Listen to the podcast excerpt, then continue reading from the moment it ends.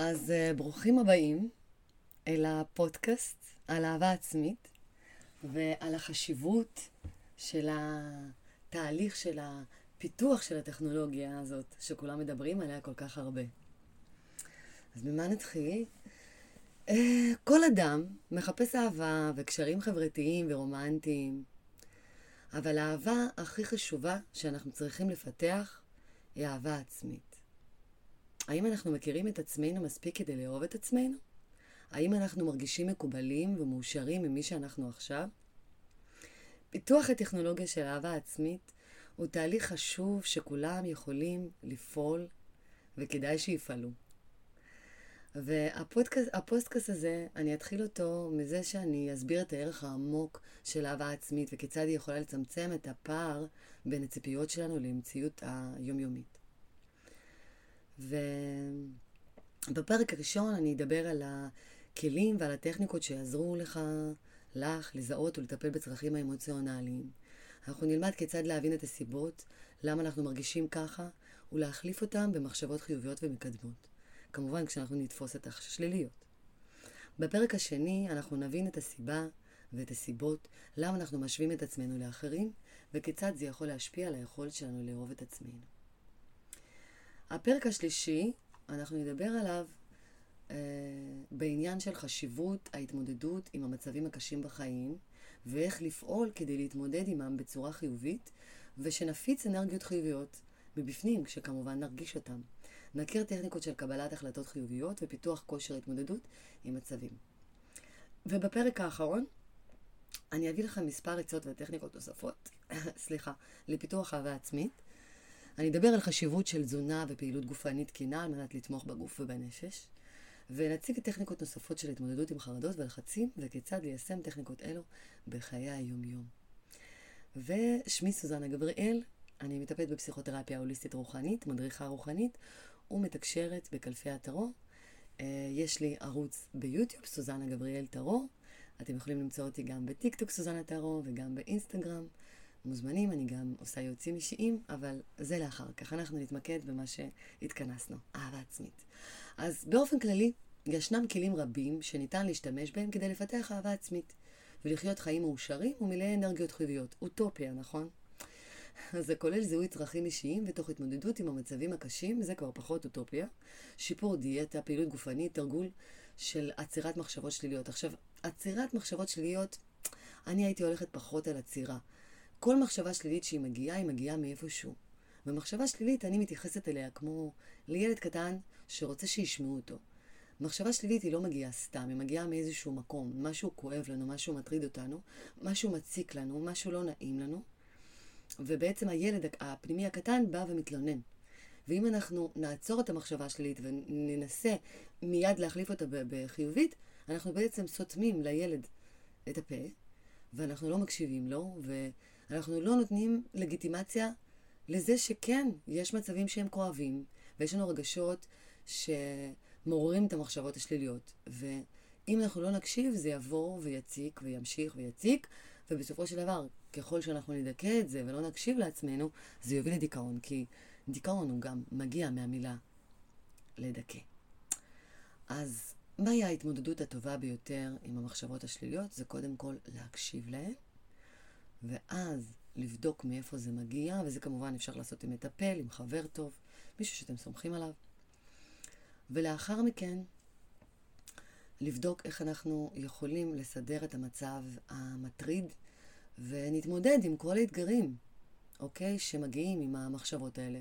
כל דבר הוא לא מגיע סתם. וההתמודדות עם כל האתגרים, אנחנו נשתדל ליישם אותה באופן חיובי, ו... נשיג מטרות שהצבנו לעצמנו בחיים בכל תחום שהוא. אז חצי מהתמונה של אהבה עצמית מתעוררת אה, שאלה מורכבת מאוד. הרי, ב, הרי יש הרבה מקומות, מקורות שטוענים שאהבה עצמית היא הבסיס לכל הצלחה אישית, וזוגית כמובן, בכל מערכות יחסים. ויש גם אלה שאינם מסכימים עם זה.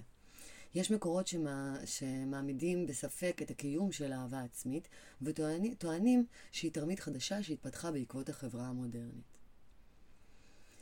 ואם אני חושבת על זה, אהבה עצמית היא אמורה להיות הדבר הטבעי ביותר. תזכרו בעצמכם שהייתם ילדים. איך הכל זרם בטבעיות, ואיך כל מיני דברים ומצבים שקרו לכם, איך הם גרמו לכם אה, לערער בעצמכם. ואולי היו מצבים שהייתם מרגישים משהו, אבל לא היה לכם מספיק ניסיון וכישרון מנטלי כדי להבין את מה שאתם מרגישים, ואם הייתם מגיעים לדבר עם, עם מישהו, אז אולי הייתם מגיעים לאוזניים ערלות, או מישהו שלא היה מקשיב לכם, או מזלזל ברגע שלכם, או אומר, עזוב, עזבי, זה לא כזה חשוב, זה שטויות. וגם התרגלתם באיזשהו מקום לעשות את זה לעצמכם. ואז, כמובן, שאהבה עצמית היא מפסיקה להיות טבעית. אז uh, כדי להבין את האהבה העצמית יותר טוב, עלינו להתמקד בפעולות ובהתנהגויות שמשפיעות על הקיום שלה. יש לנו אפשרות לתת ולקבל אהבה מאנשים אחרים, אך אם לא נשקיע זמן ומאמץ בעצמנו, אנחנו לא נוכל להתחיל להכיר את עצמנו ולפתח יכולת לאהוב את עצמנו. ומאוד מאוד חשוב לומר שבן אדם שאינו אוהב את עצמו, וזה אומר שהוא לא מקבל את עצמו כפי שהוא, יהיה לו קשה לקבל את האחרים. וככל שאנחנו נפתח את האהבה העצמית, ככה אנחנו נתקרב יותר לעצמנו, נבין את עצמנו יותר, אנחנו נדע גם להעניק את זה לאחר, כי אנחנו נהיה אופטימיים, אנחנו נהיה מאושרים, אנחנו נהיה שמחים, ומהמקום הזה, כל מה שיוצא מאיתנו זה אור ושמש. אז אחת הדרכים לפתח אהבה עצמית הוא להתחיל בהערכה והכרה של עצמנו. כאשר אנחנו מעריכים את עצמנו, אנו מאמינים שאנחנו מגיעים עם כישורים ויכולות ייחודיות, ואנו מכירים ומקבלים את הקשיים שלנו. ערך עצמי, כמובן, זה עוד פודקאסט לדבר עליו, איך בונים ערך עצמי וכל זה, אבל היום אנחנו נדבר רק על האהבה העצמית. אז עוד דרך לפתח הוא להתחיל בפעילות פיזית, תרגול, יוגה, ריצה. זה עוזר לנו לקשר, להיקשר לחלק החיובי בגופנו ולהוריד את המתחים והלחץ. וככל שאנחנו משקיעים בגוף שלנו, אפילו שאנחנו עושים מקלחת, אנחנו שמים בושם, דאודורנט, שמים בגד נקי, זה כבר איזושהי פעולה של אהבה עצמית. כל דבר שאנחנו עושים למען עצמנו, זו אהבה עצמית. לכן גם כשמגיעים אליי, למשל, מטופלים או אנשים שהם אומרים לי, אני לא אוהב את עצמי, אני לא מאמינה בזה. אני אומרת, רגע, קמת בבוקר, צחצחת שיניים, התקלחת, התלבשת, הלכת לעבודה, הכנת לך תה, קפה, אכלת, מי עשה את כל זה? מאיזה מקום עשית את זה? זה מתוך אהבה עצמית. יש להעריך גם את זה. כי אם לא היינו באמת אוהבים את עצמנו כמו שיש כאלה שטוענים שזה לא באמת שם, אז לא היינו עושים את כל הדברים האלה. היינו שוכבים כל היום במיטה וגם לשירותים אולי לא היינו קמים. אז אהבה עצמית זה הטבע של האדם, זה הבסיס. יחד עם זאת, עם הזמן מתלבשים עליו, עליה כל מיני קליפות וערעורים ודיכאונות וכל מה שנובע מחוסר הקבלה העצמית שלנו. וכשאני מדברת על הקבלה העצמית, הרבה מאיתנו, אנחנו מקבלים את החלקים החיוביים שבתוכנו, שאנחנו חושבים שהם חיוביים כמובן, ואנחנו אומרים, אני בן אדם טוב, אני מלאך, אני עוזר לאנשים, אני חכם, אני יפה, כל אחד ומה שהוא אה, מעריך בעצמו. ואז כשהוא פתאום מרגיש רגשי קנאה, או רצונות, או חשקים שהם לא מקובלים על החברה, אז uh, אנחנו לומדים איכשהו לדכא את המקום הזה ולא לקבל את זה בעצמנו. ואז לפעמים אנחנו נוהגים לקבל את זה כמראה באחרים מולנו. וזה עוד חלק בתוכנו. בני אדם, יש להם את כל הרגשות שבעולם. אנחנו גם אוהבים, גם מקנאים, גם כועסים, גם שמחים, גם... Uh, את כל התחושות אנחנו חווים, כל אחד במידה אחרת כמובן, כן? אבל יש בנו את הכל. וכאשר אנחנו אה, לא רוצים ומכחישים את התחושות הלא נעימות ואת הרגשות הפחות חיוביים בעינינו שקיימים בתוכנו ורצונות, אנחנו בעצם מכחישים חלק מאוד גדול בתוך עצמנו, ואנחנו משסעים את הנפש שלנו. אנחנו משסעים את האישיות שלנו. חלק אחד אני מקבל וחלק אחר הולך לצל. ומה זה יוצר? זה יוצר הרס עצמי, זה יוצר מלחמה פנימית. חלק אחד נלחם בשני. ואי אפשר להילחם בשד. אפשר לתת לו להיות. שד, אני מדברת, כן, השדים הפנימיים שלנו, הפחדים. אז תיקחו את זה גם ככה. ובואי נראה הלאה. אהבה עצמית מאפשרת לנו להיות פחות תלויים באחרים. בשביל לקבל את האישור, מחמאות. כשאנחנו מכירים, מקבלים את עצמנו, אנחנו מרגישים בנוח עם עצמנו, אנחנו בטוחים. אנחנו יודעים, מודעים לכל החלקים שבתוכנו ומקבלים את הכל. אני אדם שלם. אני הוליסטי. אני גם נשמה, אני רוח, אני מחשבה, אני רגש, אני גוף, אני ניסיון, אני חוויות, רגשות. ואל לנו להתעלם, להתעלם מכל היופי הזה, וכל המידות של כל אחד יוצרים אישיות ייחודית. גוונים, צבעים. לפי כך, פיתוח אהבה עצמית היא חשובה במיוחד לקיום יחסים בריאים ומשמעותיים עם עצמנו קודם כל, וכמובן עם הסביבה. וכאשר אנחנו מאוהבים בעצמנו, ויש גם כאן ניואנס מאוד גדול, להיות מאוהב או לאהוב את עצמך. כשאנחנו מתאהבים, תזכרו, כשאנחנו מתאהבים במישהו, אנחנו לא רוצים שהוא ישתנה, אנחנו רוצים שהוא יישאר כזה מושלם ויפה, כמו שהכרנו אותו, וברגע שהוא מתחיל להשתנות, פתאום אנחנו קצת מפסיקים לאהוב אותו כביכול. אז אם אנחנו מתאהבים בעצמנו, אנחנו נתקשה עם השינויים שבאים, והחיים הם שינוי. כל החיים הם שינוי. ברגע שאנחנו מפסיקים להתפתח ולהשתנות, נגמרים החיים. רק המוות מפריד בין ה... בעצם ההבדל בין החיים למוות זה הפסקת השינוי. וברגע שאנחנו מודעים שבמהלך החיים אנחנו משתנים, המצבים, התקופות, הדברים שאנחנו חווים, אז יבואו השינויים, וכשאנחנו אוהבים את עצמנו, אז אנחנו נאהב את עצמנו עם כל שינוי שבא. זה ניואנס מאוד חשוב. אהבה עצמית עוזרת לנו לפתח את היכולת להתמודד עם מצבי חרדה, עצב ודיכאון. כשאנחנו מאוהבים בעצמנו, כשאנחנו אוהבים, אני אפסיק להגיד מאוהבים, אוהבים את עצמנו, אנחנו מרגישים בטוחים יותר, לא תלויים באחרים. פחות. גם, עוד פעם, ניואנס מאוד מאוד חשוב. אנחנו, אין לנו לא חשיבות, לא מקום להיות בלתי תלוי באף אחד. אנחנו לא אני בודד. נולדנו בחברה, אנחנו חיה, אדם, אנחנו אה, יצור סוציאלי, ואנחנו תמיד תלויים אחד בשנייה. ואפשר לפתח על זה, זה נושא מאוד רוחני ועמוק, אני כרגע לא אדבר על זה, אבל אה, אנחנו נהיים פחות תלויים באישור של אחרים. נהיה לנו עמוד שדרה. ועמוד שדרה שאף אחד כבר לא יכול להגיד לנו מי אנחנו ומה אנחנו. ואיך מפתחים את העמוד שדרה? זה עבודה על המודעות העצמית, שיש כל מיני טכניקות וכלים, שכרגע אני לא אה, אפתח על זה את השיחה. אה, אז בנוסף, הפיתוח האהבה, הטכנולוגיית האהבה העצמית הזאת, אני קוראת לה טכנולוגיה. בעיניי זו טכנולוגיה. כשאנחנו לומדים לעשות משהו, זו טכנולוגיה חדשה. היא עוזרת לנו להתמודד עם הכישלונות וההפסדים שלנו גם. וללמוד מהכישלונות וההפסדים. ובעצם זה לא כישלונות והפסדים, זה בעצם הניסוי והתהייה שלנו. ובעצם אנחנו מסתכלים אחורה. כשאנחנו מצליחים, אנחנו אומרים איזה יופי. וכשאנחנו מרגישים שאנחנו נכשלנו, אנחנו יכולים להשתמש, במקום לקחת את זה לרגש השלילי, אנחנו יכולים להשתמש בכישלון, אה, לבדוק מה אפשר לעשות אחרת, איפה עלינו להשתפר. וזה כיף.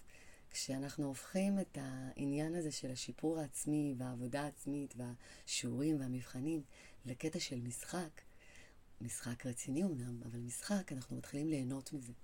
אוקיי, בואו נראה מה עוד החיים האלה יביאו לנו. אהבה עצמית היא ערך חשוב ומרכזי בחיים שלנו.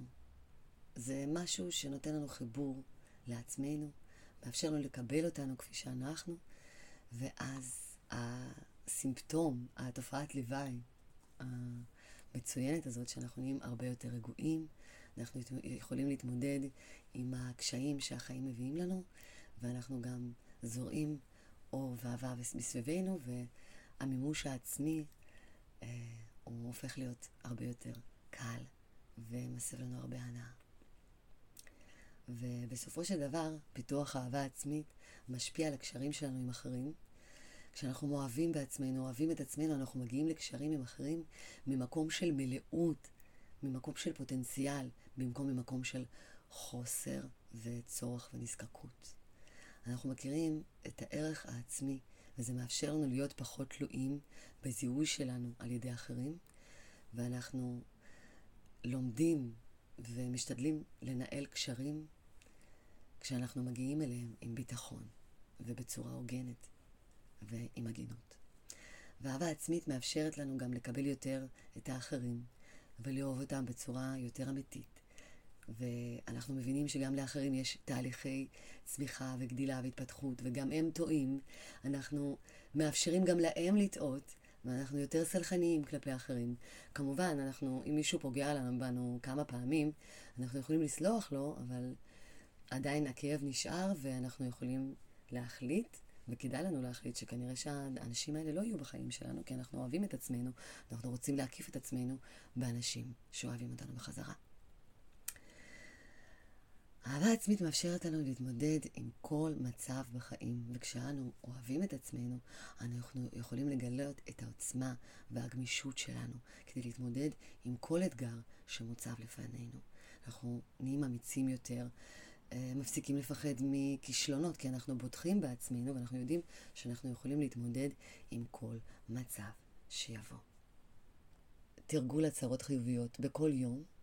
קחו לכם כמה רגעים כדי לספר לעצמכם דברים חיוביים ומעודדים. הדברים שקרו לכם, הדברים ש... על הצלחות הקטנות או הגדולות שלכם. וזוהי דרך מצוינת להתחיל את היום או לסיים אותו, ולהזכיר לעצמנו את הערך העצמי. שנית, תרגיל שני, לקחת את הזמן להירגע, להרפות. בין אם זה באמבטיה חמה, לשמוע פודקאסט נעים, לעשות מדיטציה, דימון מודרך, ללכת לשיעור יוגה, לאכול משהו טעים בלי לראות טלוויזיה, ולהתכנס במדיטציה. עכשיו, מה זה מדיטציה? מדיטציה זה לא תמיד של אחד שיושב uh, ברגליים משולבות ועושה, משולבות ועושה מדיטציה זה כל דבר שאנחנו עושים כשאנחנו לגמרי נמצאים בתוך העניין, מבלי לחשוב על משהו אחר. ממוקדים לגמרי. למשל, כשאנחנו אוכלים, אז אנחנו ממוקדים בטעמים ובריח ובמרקמים ובחום, ואנחנו יכולים אפילו להתעמק בצבעים של האוכל. או כשאנחנו מתקלחים, אז להתמקד רק במקלחת, להרגיש את המים. או כשאנחנו מתחילים להירדם ולהרגיש את הכרית הנעימה והשמיכה הנעימה על הגוף שמחממת אותנו. כשאנחנו באותו הרגע נמצאים, גם קשור לחיי האהבה והמין והרומנטיקה. תרגיל שלישי זה לה, לה, לה, להתרגל להכיר תודה זה כבר דיברתי על זה, ולהכין רשימה של דברים שאתם אסירי תודה עליהם, ותקדישו קצת זמן לערער בדברים האלה. דבר מאוד חשוב נוסף זה ללמוד להציב גבולות. ללמוד להגיד לא כשאנחנו לא רוצים לעשות משהו, ולתרגל את הטיפוח העצמי והקשבה עצמית, נאמנות עצמית. כבוד עצמי ואת הזמן שלנו, וכל זה קורה כשאנחנו מציבים גבולות ברורים ומגינים על האנרגיה שלנו. ולבסוף, חמלה עצמית. תשימו לב איך אתם מדברים לעצמכם. השיח הפנימי שלכם, האם אתם מדברים לעצמכם בצורה מעודדת? דברו אל עצמכם בחביבות ובהבנה. תלמדו לצלוח, לסלוח לעצמכם ולקבל גם את הפגמים. וחמשת התרגילים האלה יעזרו לך, לך, לאהוב את עצמך יותר ולהפוך לאני הטוב ביותר שלך. אז תודה רבה על ההקשבה, ואנחנו בהמשך ניפגש לעוד פודקאסטים. מקווה מאוד שאהבתם, והייתי שמחה מאוד להיות איתכם. להתראות, שלום שלום.